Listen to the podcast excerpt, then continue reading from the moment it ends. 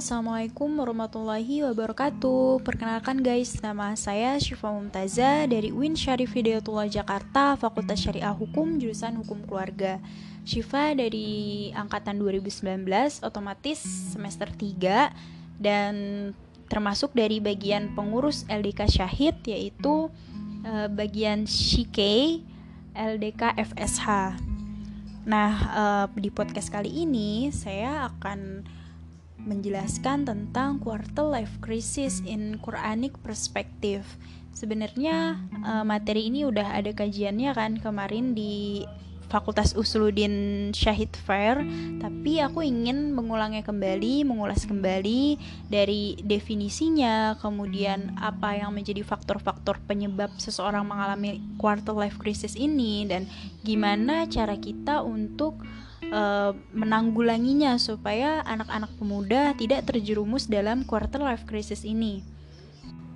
Quarter life crisis ini bisa kita artikan sebagai uh, masa di mana seseorang yang lagi berusia 20 tahunan ataupun 20 tahun ke atas itu mengalami sebuah yang namanya kecemasan dan kekhawatiran dalam hidupnya baik dalam hal masalah apa pun itu kayak misalnya masalah pendidikan yang kayak rasanya tuh nggak ada peningkatan sama sekali ilmu yang merasa tidak pernah mengalami kemajuan bahkan mimpi yang terasanya tak pernah tercapai gitu.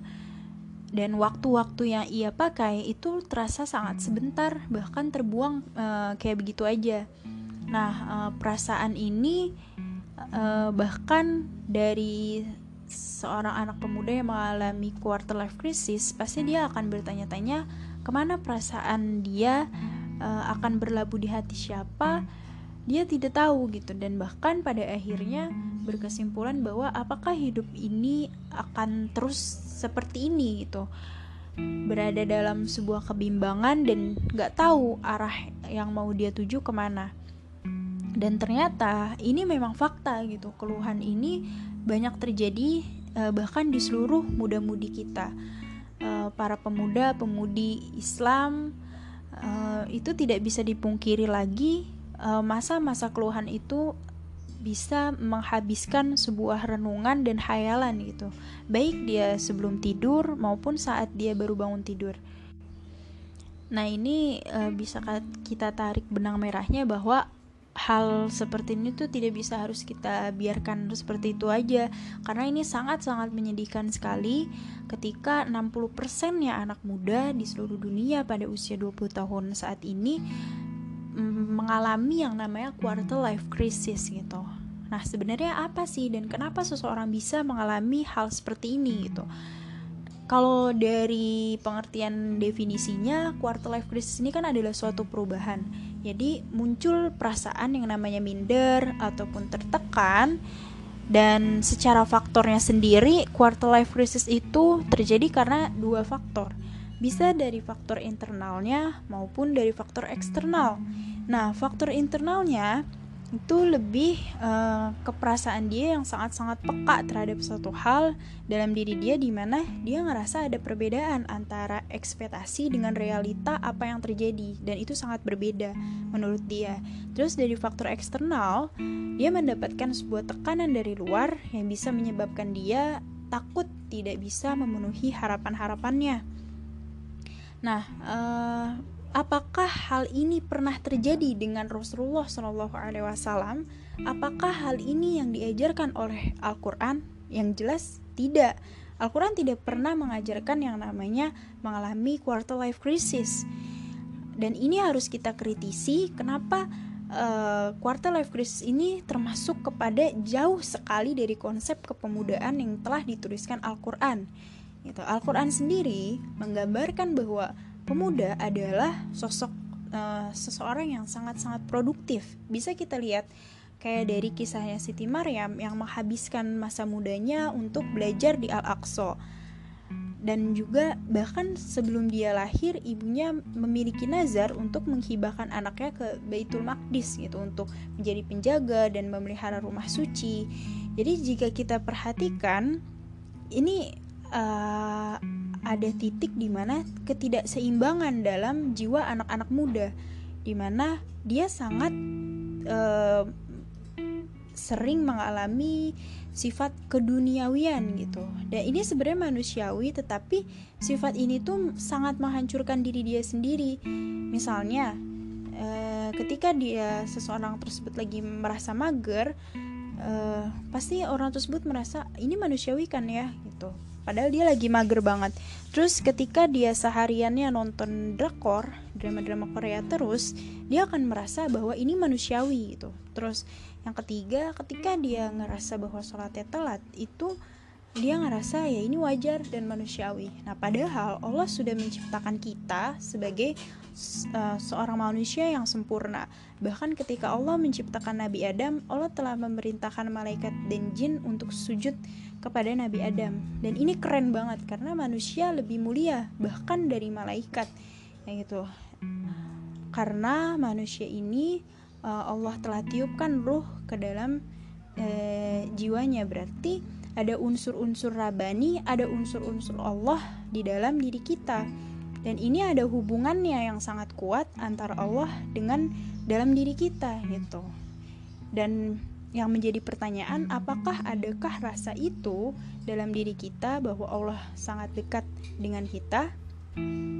Bagi uh, yang lagi merasakan gelombang-gelombang uh, materialisme di mana jiwanya itu sangat diukur dengan materi, dengan uh, kebahagiaan yang bersifat duniawian atau masih banyak loh sebab-sebab uh, seseorang mengalami gelombang materialisme ini. Yang pertama, jiwa seseorang itu mengalami sangat-sangat lemah gitu. Dia e, cepat bosan, gelisah, tidak tahu hidupnya akan kayak gimana. Karena e, terkadang orang tersebut salah mengartikan antara kedamaian dengan kebahagiaan. Kayak misalnya ketika dia lagi galau yang dicari pertama kali adalah pasti dengan main dengan teman terus juga nonton atau pesta-pesta party dan lain-lain. Justru ini menjadikan hati kita malah semakin terasa kosong gitu. Karena kebahagiaan yang hakiki adalah ketika kita dekat dengan sang penciptanya. Nah seperti itu. Jadi Uh, gimana kita akan bahagia kalau pelarian kebahagiaannya ini adalah bukan dikembalikan kepada Allah dan ini sangat rentan sekali jiwa kita mengalami kelemahan atau futur. Yang kedua, ada istilahnya di mana fisik menjadi kefokusan kita yang paling utama. Padahal kecantikan fisik itu e, tidak lebih penting daripada kecantikan hati, karena antara e, fisik dengan ruh itu memiliki e, kebutuhan yang sama dua-duanya yang di mana uh, jika fisik kita adalah butuh makan yang banyak untuk bisa menjadi kuat, tentu jiwa raga kita pun butuh yang namanya asupan supaya tidak mengalami kekosongan. Jadi hati ini harus kita isi dengan memperkuat yang namanya keimanan, senantiasa kita berzikir dan beribadah kepada Allah. Ini adalah cara-cara terbaik kita untuk memberikan makan kepada hati kita. Yang ketiga, uh, yang menjadi penyebab quarter life crisis adalah hilangnya harga diri seorang perempuan. Padahal dalam Al-Quran, perempuan ini adalah kunci peradaban. Al-Quran sudah menggambarkan perempuan itu menjadi sangat mulia dan luar biasa, di mana jika harga diri wanita itu udah turun, mudah mengumbar-ngumbar aurat, bercampur dengan lawan jenis, maka uh, akhirnya ini akan berefek kepada fitnah laki-laki dan peradaban kita pastilah sangat-sangat hancur. Yang keempat yang menjadi penyebabnya yaitu harta dalam hati. Jadi di zaman sekarang ini orang-orang tuh menggambarkan bahwa dengan harta yang melimpah maka dia akan semakin merasa sudah bahagia gitu. Padahal harta ini hanya posisinya sebagai titipan. Jadi sifatnya itu sementara dan kita diamanahkan untuk menggunakan harta dalam hal sebaik-baiknya. Dan jika kita ingin keluar dari zona nyaman ini, kita juga harus memiliki sebuah role model supaya kita terbebaskan dari quarter life crisis. Karena jika kita menjadi orang yang luar biasa, kita juga pun harus milih mana orang-orang yang luar biasa untuk kita jadiin teladan. Nah, aku mau kasih tips gimana cara agar memiliki jiwa-jiwa uh, pemuda-pemudi yang Islam yang berlandaskan nilai-nilai Islam supaya jiwa kita ini semakin kuat. Yang pertama, kita harus menjadi pribadi yang rabbaniyah. Menjadi orang yang dekat dengan Allah dan semua dikembalikan pada perspektif Allah. Jika kita udah berusaha bersihkan hati kita dengan berzikir dan juga perhatikan kualitas ibadah-ibadah kita. Kalau misalnya kita membaca Al-Quran sebentar tapi udah sangat terasa lama, nah itu harus kita uh, kritisi gitu karena kenapa kita lebih memilih untuk nyaman nongkrong bersama dengan teman daripada mengikuti kajian, uh, membaca Al-Qur'an dan juga kita sangat sulit untuk yang namanya uh, bangun malam. Nah, mungkin ini pasti ada yang salah dengan hati kita. Karena ini bisa menyebabkan tidak nyaman dalam keseharian kita. Karena uh, rasa kenyamanan ini adalah dari jiwa-jiwa yang kuat. Rasulullah juga pernah bersedih saat kehilangan Khadijah tapi beliau tetap bisa taat gitu. Sedih itu memang manusiawi tapi jika kita tetap mengingat Allah pasti kita akan stabil. Dan juga e, ketika kita menjaga ibadah pasti energi kita semakin lebih kuat. Yang kedua tipsnya adalah ceburkan diri kita dalam hal-hal kebaikan. Uh, dan ini harus dipaksa dari lingkungan-lingkungan yang keren. Uh, kita bisa aktif untuk berdakwah dan ini hanya orang-orang yang beruntung uh, hanya orang-orang yang bisa untuk menyempatkan waktunya tenaganya untuk berdakwah supaya uh, insya Allah kita akan mendapatkan lingkungan yang suportif. Yang ketiga kita harus memaksimalkan uh, mengambil peran kita. Jadi saat kita udah memiliki sebuah tekad niat maka kita harus ambil potensi dakwah ini supaya kita bisa uh, memaksimalkan menyelesaikan sesuatu masalah itu karena tugas kita adalah menemukan potensi dan itu harus kita kembangkan kembali. Yang keempat kita harus memiliki jiwa kesabaran kesiapan dan juga kita harus tanggung akan ujian-ujian di ke depannya.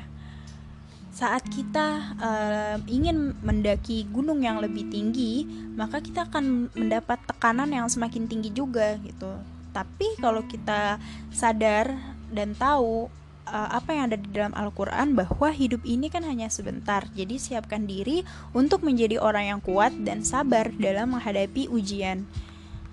Uh, ini aja semoga bisa menjadi modal awal utama untuk meningkatkan kualitas pribadi kita dan semoga dengan tips-tips ini bisa keluar dari zona nyaman kita, keluar dari yang namanya quarter life crisis dan kita akan menebarkan kebaikan di sekitar uh, orang-orang banyak. Terima kasih. Wassalamualaikum warahmatullahi wabarakatuh.